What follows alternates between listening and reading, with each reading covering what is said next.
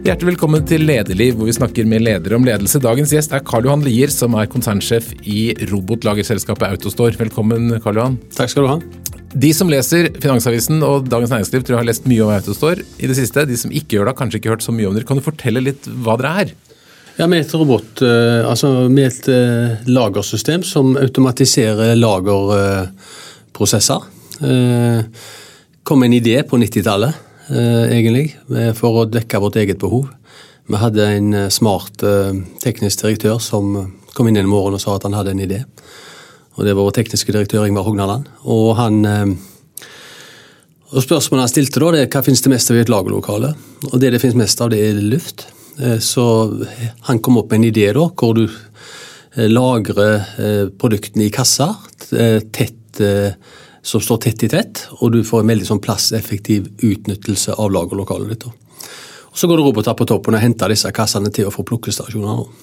Det må du forklare nærmere, for det, den, de står tett i tett i tett, og så klarer du å få ut noe som er midt inn i ja, bunken. Hvordan, ja. hvordan, skjer det? Ja, Da vil jo robotene hente opp og mellomlagre eh, til de finner den som ligger lenger nede.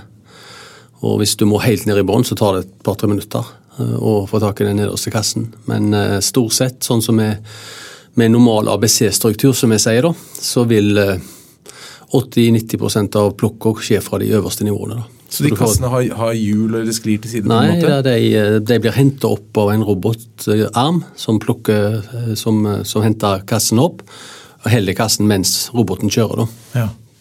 Og Hvor stor kan en kasse være? Den er standard. Det er 60 ganger 40 cm.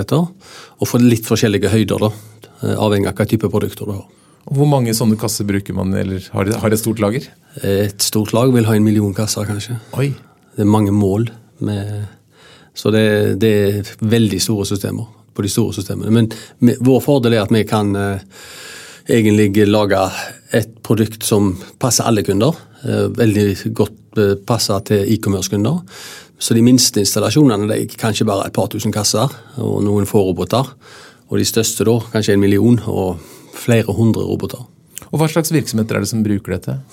Ja, Ser du her i Norden, da, så uh, Boost er en stor kunde.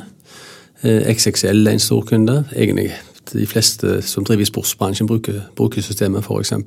Komplett i Sandefjord var vår største, første store kunde fra 2007. For det, det, er jo fascinerende dette. Det er mange smarte hoder som får en idé, men det å klare å få det over til et produkt Fortell litt hvordan dere jobbet fra liksom, ideen kom til det ble et produkt. Ja, Vi så jo potensialet da, på 90-tallet, når Ingvar kom inn den morgenen og hadde ideen. Og, og Ingvar begynte jo da å jobbe med å utvikle de første Eh, den første prototypen.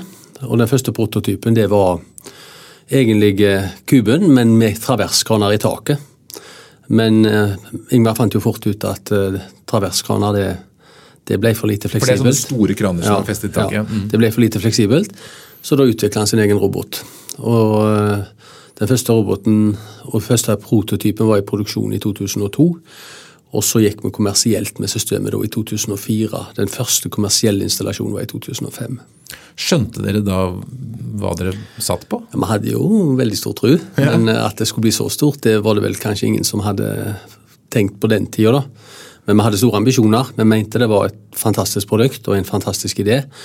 Eh, og vi visste òg en måte å gå til marked på som eh, gjorde at vi kunne skalere effektivt. Vi selger ikke direkte, vi selger kun via partnere. Og det gjorde vi fra dag én, og det har vært en suksessfaktor. vil jeg si. Så De siste ti årene har vi vokst ca. 50% i året eh, hvert år. Og Så ble dere børsnotert eh, tidligere i høst og eh, til rundt 100 milliarder kroner. og Så har det økt voldsomt etter det, etter jeg forstår? Ja, vi har en god, ja, det, Børsverdien var ca. 100 milliarder kroner, ja. Og vi har jo hatt en god økning etterpå. Så vi har hatt en en grei tid på børs så langt, vil jeg si. Spennende. Men du, fra da å utvikle eh, produktet, så har jo du da som leder bygget organisasjon. Fortell, Hvordan har du tenkt, eh, hvordan har du tenkt når du har bygget opp organisasjonen, og hvordan ser den ut i dag? Ja, jeg, vi, vi, har jo en eh, Vi har jo bygd stein for stein. For vi hadde heldigvis en rik eier i begynnelsen, da, som var Jakob Hatteland. Eh, og som var villige til å investere i produktet. Eh, for det var jo ikke så mye volum i begynnelsen, men mye kostnader for produktutvikling. Så han brukte flere hundre millioner kroner på å utvikle produktet. Hadde stor tro på det. Jeg kom tilbake til 2008, og da var vi fem-seks mann. og Så begynte vi å bygge gradvis ut. Bygge en salgsorganisasjon som skal følge opp partnere. Og gradvis òg bygge ut utviklingsavdelingen, som er selvfølgelig det viktigste eh, på den tida, og har vært viktig hele tida. For vi må hele tida ligge i front teknologisk. Eh, og så har vi gradvis bygd ut etter behov. da. Og Fra 2016 så har vi begynt med våre egne direkte salgsrepresentanter som jobber mot sluttkunder. For å skape leads og, og prosjekter da, eh, med Autostore. Men på et eller annet tidspunkt så vil vi alltid overføre til en partner, som da tar seg av uh, leveringen. Uh, for vi selger kun via partnere. Da. Og Det har gjort at vi har kunnet skalert veldig effektivt. Hatt en såkalt lean business-modell. og og så har vi standardisert produkter. da. Ingvar var veldig opptatt av det. Vi skulle lage standardprodukter. Og, og vi har standardroboter, standardporter. Alt er standard. Og det har jo da ført til at vi konkurransemessig er veldig solide eh, på pris. Eh, vi konkurrerer med alle andre produkter på en god måte, samtidig som vi kan ta ut høye marginer. Og når vi da skalerer fort, som vi har gjort i det siste, da, så har det blitt gode resultater.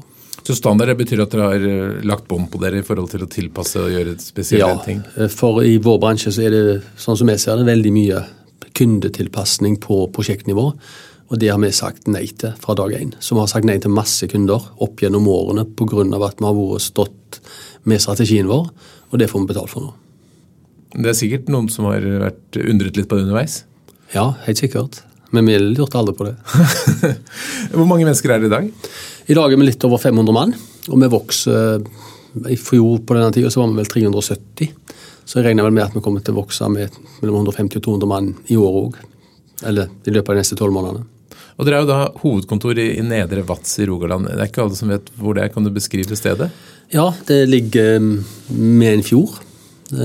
Litt fjell rundt og veldig idyllisk, flott. Nedre Vats er vel ca. 400 mann som bor, uh, men vi rekrutterer jo fra hele regionen. da, uh, På Haugalandet, som er ca. 120 000 mennesker. da. Og Hvorfor øh, velger dere å være der? Hvorfor tenkte dere ikke at med en gang at dette skulle bli et Oslo-firma? Eksempel? Nei, altså vi mener jo det at uh, det er en god basis uh, for å drive teknologisk utvikling sånn som vi har gjort.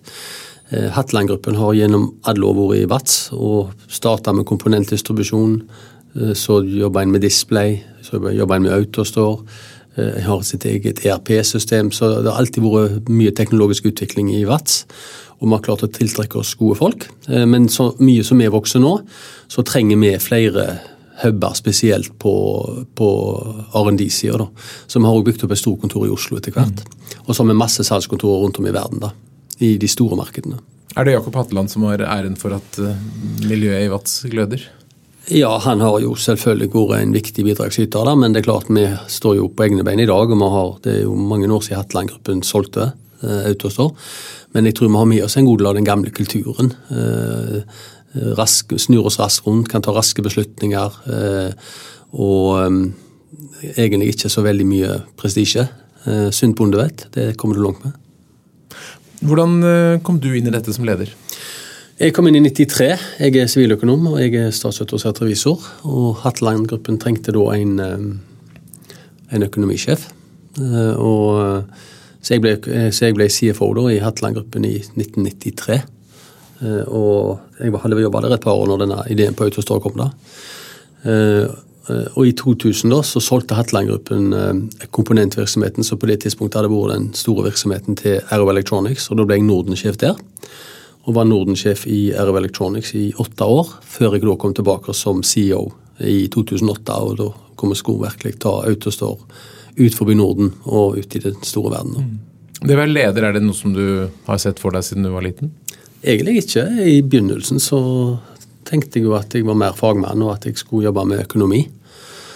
Men eh, jeg lærte jo, lærte jo, fort det at eh, jeg, var, jeg, var, effektiv i forhold til å delegere og, og, og få oppgavene gjort, eh, uten at jeg måtte gjøre alt sjøl. Eh, og fant ut at det å drive med ledelse det var kanskje noe som passet meg bra. Eh, og det begynte jo da primært etter at jeg begynte i Gjerro da, i, i 2000. Men du vokste opp i en familie med handelsvirksomhet? Ja. Eh, Faren min han hadde maskinstasjon, og mor min hun drev dagligvarebutikk. Eh, Så jeg lærte jo tidlig å, å være med og jobbe, både på maskinstasjon og, på, og i butikken. da. Så jeg fikk jo det egentlig inn forretningslivet med morsmelk på en måte. Hva var det det første du husker at du gjorde? Ja, De begynte jo ikke før jeg var i åtte-ni år, eh, men eh, vi var jo med og telte varer, og vi var med og kjørte varer, og vi var med og la inn varer og sto i kassen. Og, altså, Vi gjorde jo alt. Hvordan tror du det har påvirket deg? Jeg tror jeg har fått en veldig sånn praktisk tilnærming til å drive business. Eh, Om du driver med milliardvirksomhet eller om du driver dagligvarer, så er det veldig mange av de samme prinsippene vil jeg si, da, som, som teller. Så jeg har det litt i ryggraden, tror jeg. Hva er de viktigste prinsippene? Nei, Det er å forstå eh, betydning av beslutninger i forhold til det å utvikle virksomhet og utvikle økonomien. Eh, det å eh, ikke bare kunne teorien, men raskt forstå at denne beslutningen er viktig pga. det og det, og, denne er ikke så viktig. Det tror jeg er veldig veldig viktig å ha en praktisk god tilnærming på det. Men Når du da har bygd opp med etter hvert såpass mange mennesker, hva har du gjort for å mm, skape en god kultur? Ja, vi har jo, eh, vi har jo eh, en eh, lean-organisasjon, som vi sier. Det er ikke så veldig store forskjeller mellom meg og noen andre i organisasjonene. Det skal det ikke være. Det er en åpen dørs politikk, og hvis folk vil si noe til meg, så kan de komme inn og snakke med meg.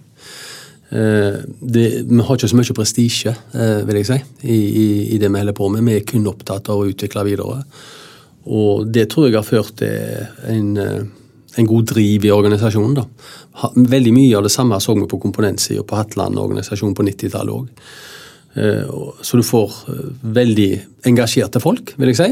Og vi hadde jo en kulturundersøkelse i fjor hvor vi hadde en Net Promoter Score på en 79, som vel egentlig er ganske bra. Mm. Så eh, jeg føler det at vi har en drivende organisasjon. Folk liker, liker seg. Og eh, vi har en åpen dørs-politikk. Hvordan føler du at du i størst grad påvirker organisasjonen i bedriften? Jeg påvirker organisasjonen først og fremst gjennom å ansette gode ledere eh, rundt meg. Som tar eh, stort ansvar for å videreføre den filosofien videre i organisasjonen. Så jeg er jo bare et, ei brikke i det spillet. da. Det er jo hele organisasjonen, alle lederne, som spiller en like viktig rolle i den sammenhengen. der. Snakker dere mye om kultur, hvordan det skal være? Ja, vi snakker mye om kultur, og vi er veldig opptatt av når vi ansetter folk, at uh, de skal være flinke. Uh, de skal ha god kompetanse. Men hvis du ikke passer inn i kulturen, så, så passer det ikke inn hos oss. Det er faktisk det viktigste av alt. Hva slags egenskaper er det du ikke vil ha? Politikk, eh, intern politikk, det vil vi ikke ha. Vi vil ha en, altså vi har tre verdier. Vi sier vi er bold, altså med store ambisjoner. med transparent. eh, og med lean. Eh, og det å være transparent og se hva du mener, og at du kan kunne se hva du mener uten at du skal frykte konsekvenser og sånne ting, så det, det er kjempeviktig. Og, eh, og for min del så, så har jeg vært i også sett organisasjoner hvor politikk drives. Veldig ofte ikke med basis i organisasjons, organisasjonen, men med basis i egenutvikling. Og det er vi veldig opptatt av at eh, sånt vil vi ikke ha det. Mm. Så vi skal være Altså At opptatt den enkeltes karriere blir viktigere enn selskapets beste? ja. Selskapets eh, vil alltid være det viktigste i denne sammenhengen. her. Og jeg tror vi har en, eh, en ledergruppe, vi har en organisasjon hvor alle egentlig ønsker å bidra i, i samme retning, og det har òg ført til gode resultater. Hva er vanskelig med å vokse? Ja, Det som er vanskelig med å vokse, er jo egentlig å være eh, i front hele tida. For du skal bygge kapasitet. Du skal sørge for at eh, du har en organisasjon som er klar for å ta det neste steget. Du vokser 50% i året. Det betyr at du skal kanskje vokse 25% antall folk, og du skal få dem opp og gå. Eh, Så det, er veldig driv og veldig krav for å kunne klare en sånn vekst. Eh, Men vi har én fordel med forretningsmodellen vår, den er lean. Altså Vi har selger via partnere. Vi sertifiserer partnere, trener de, eh, og kan eh, vokse raskt gjennom å legge på flere partnere. Mm. Så det, det er kanskje lettere for oss enn for mange, men likevel, du skal fremdeles ansette flere hundre mann i året, og du skal få de inn i kulturen, du skal få trent de. Så jeg vil vel si det at det viktigste er å være up front hele tida og, og tenke tre-fire år fram i tid. Hvor skal vi være om tre-fire år? Og i år så vet vi vet jo det at for tre-fire år siden så var det en helt annen organisasjon i størrelse enn det det er i dag. Og vi vet òg det at om tre-fire år så vil dette selskapet være mye mye større enn det det er i dag. Ja, da må du hvor store tror du at det er om fire år? Nei, vi sier jo det at eh, altså i år så har vi jo sagt at vi kommer til å vokse ca. 65 Og vi regner vel med å vokse omtrent det samme neste år. Og på mellomlang sikt så mener vi at dette markedet kommer til, for et produkt som Autostore kommer til å forsvare en vekst på ca. 40% Og det betyr egentlig at du i løpet av noen få år et, bør ha en milliard dollar eh, på ja, en eller annen gang frem i, i, i framtida. Så vi tror på mellomlang sikt 40% vekst og veldig sterk vekst nå på kort sikt. Hva er det som er driverne for veksten? Ja, det er jo et marked nå som er Altså det er lagerautomasjon. Og hvis du ser på lagrene i verden i dag, så er ca. 15% automatisert. Vi tror at i løpet av de neste 30 årene så kommer dette markedet til å Ca. fire av fem lagre vil være automatisert. Og Det betyr at vi er et marked som kommer til å vokse med 15% per år i de neste 30 årene. Så det er en veldig flott plass å være, egentlig. Og I tillegg så har vi et produkt som støttes av megatrender som e-commerce, som, eh, tar hensyn, altså, som passer godt inn i trenden med at eh, endring i handelsmønstre. Folk, eh, at, eh, at eh, lagrene kommer nærmere og nærmere de store urbane sentrene. Sånne ting som det vil føre til at vi kommer til å vokse mye mer enn markedet. Så vi ser for oss et eh, mange år med god vekst framover. Det høres på en måte litt enkelt ut. Altså, du, har, du har en organisasjon, du har et godt produkt, og markedet vokser osv. Hva, hva opplever du er vanskelig? Hva er det du grubler mest på? Nei, det, jeg grubler på forskjellige ting til forskjellige tider. Det er jo alltid noe eh, som dukker opp som eh, det, du helst ikke eh, skulle dukke opp. Eh, det, sånn er livet. Og eh, da er det viktig å være klar og ta de utfordringene som kommer til enhver tid. Men eh, for oss så tenker vi det at eh, kanskje den største utfordringen for oss, det er jo først og fremst å bygge organisasjonen for videre vekst. Det er det viktigste nå. Og hele tida utvikle produktet videre så du ligger helt i front teknologisk. For hvis ikke du gjør det, så vil det være noen som passerer deg på et eller annet tidspunkt. Det er det ingen tvil om. Og apropos konkurranse, så bruker du en del penger i en rettssak med noen som har begynt med Eller dere mener vel egentlig at de har kopiert dere? Ja, de har jo, sånn som jeg ser det, så har de jo lagt en kube-løsning, sånn som oss. Og eh, vi går ut til sak for det at vi mener de bryter patentene våre. da. Og det, så de har nærmest de har bare rett og slett sett på deres produkt og lagd det samme? Ja, det, det ser sånn ut. Hvordan føles det? Nei, det er jo en del av eh, noe du må regne med kan skje når det er, når det er produkter som gjør at du kan tjene gode penger. Men da er det vår jobb å sørge for å lage det som vi kaller berg- to entry på godt norsk. Eh, og det er patenter. Mm. vi har 200 patentfamilier rundt om i verden i dag som beskytter teknologien vår. Vi bruker en og vi, ligger i front teknologisk. Eh, Det, det tror vi egentlig er det viktigste da, for, å, for å møte sånne ting som det. For det, dette systemet er ikke utvikla på de siste året. Det er utvikla i 25 år, så Ingvar hadde ideen. Eh, Og de som eventuelt skal kopiere deg, de, de trenger tid for å gjøre det. Og i mellomtida så vil vi komme langt videre med produktet. Men når du sier utvikling og nyeste, er det, er det øh, selve kassene, eller er det softwaren, eller hva er det som skal utvikles? Ja, 75% av det som vi gjør på uh, uh, Vi skal utvikle alt. Altså Vi utvikler nye roboter, og vi utvikler nye porter. og Nå holder vi på med å prøve å bruke systemet i flere temperatursoner, f.eks. Som noen eksempler. Men 75% av det som vi gjør, det er software-relatert. Så softwaren er nøkkelen til suksessen med et system som Autostore. Er det samme, øh, Kan det brukes for alle bransjer, eller er det sånn at man lager lage ulik software for ulike typer? Nei, det er alt er standard hos oss. Så- Og standard software. Og vi har jo et produkt som kan brukes egentlig i alle bransjer. I. Så, lenge det går, så lenge produktene passer inn i kassen, sier vi, så kan du bruke Autostore. Jeg kunne tenke meg en miniutgave i, boden hjemme. Ja, vi har en ansatt da, som, har, eh, som har installert Autostore hos, eh, i boden sin. Og der har han, eh, der har han eh, det som han trenger å, å, å lagre vekk, liggende i Autostore. Og det er veldig effektivt. Så det, det, er en mulighet, det er en mulighet en gang i tida. Kanskje det er markedet neste gang dere kommer videre. Men eh, dette selskapet ble, som du- som du nevnte, så ble det jo eh, solgt ut av Norge på et tidspunkt med internasjonale eiere. Ja. Eh, dette ser vi veldig ofte, at ting finnes på i Norge, og så blir, kommer det noen utlendinger og kjøper det. Må det være sånn? Burde vi ikke klart å holde mer på norske hender?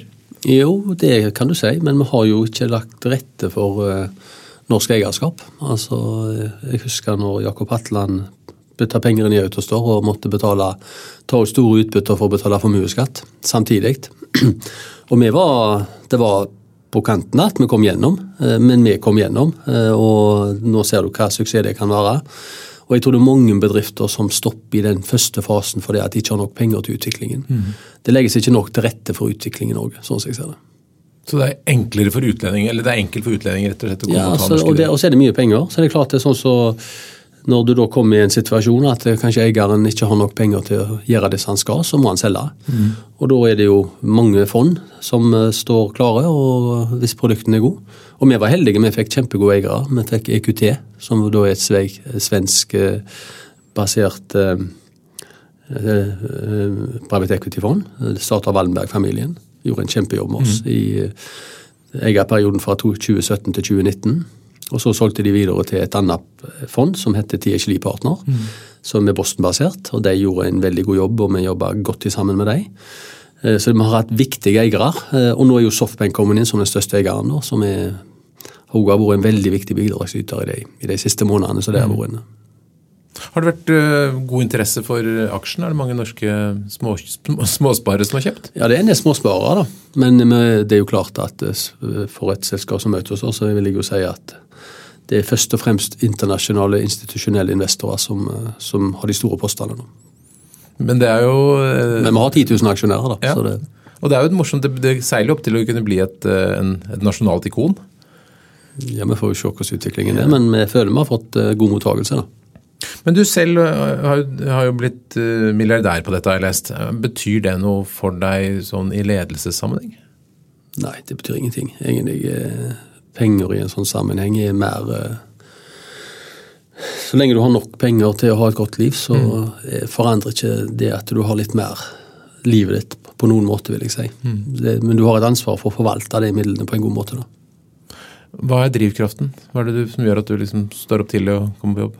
Jeg liker jo jobben. Jeg liker organisasjonen. Jeg mm. liker folkene jeg jobber med. Syns det er kjekt å gå på jobb hver dag. Eh, og eh, hele tida sette seg nye mål og se at vi klarer å levere på de målene. Det, det, det liker jeg. Mm.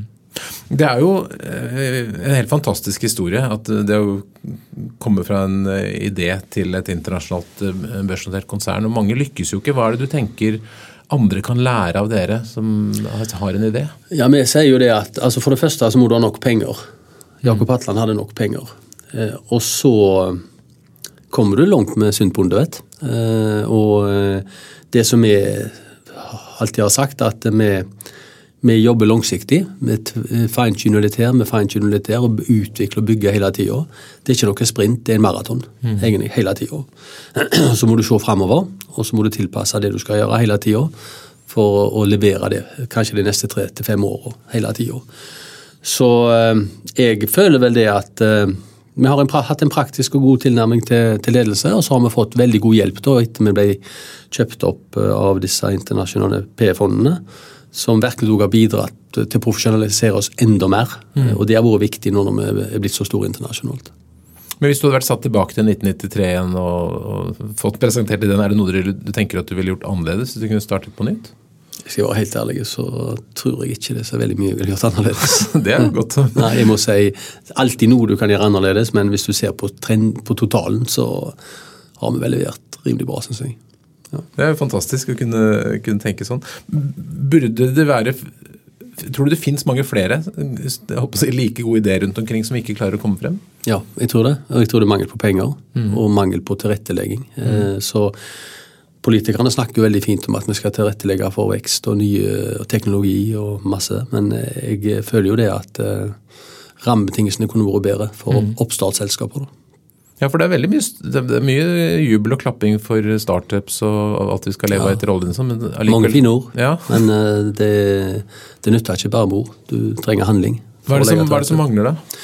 Nei, Jeg mener jo det at sånn så, Vi hadde aldri kommet igjennom uten at vi hadde hatt en eier de første årene som hadde nok penger. Mm.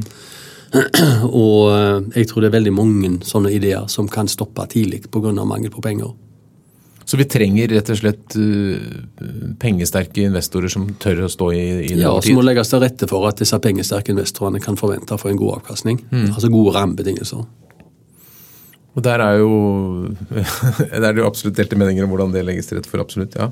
Tenker du at um, um, vi kommer til å at, at deres suksess inspirerer andre? At du vil se flere tilsvarende fra Vats eller andre steder? Man kan jo håpe på det, da. Ja. Eh, Og eh, det finnes masse gode ideer rundt om i Norge som helt sikkert har stort potensial. Mm. Så Men eh, så, Og kan vi være en eh, inspirasjon for noen, så er vi gjerne det. Eh, hvis du skal gi råd til en ung person som kommer og vil bli leder, vil, bli en god leder for et selskap som, som Autostore, hva er de tre viktigste lederrådene du vil gi? Du må være god å lytte.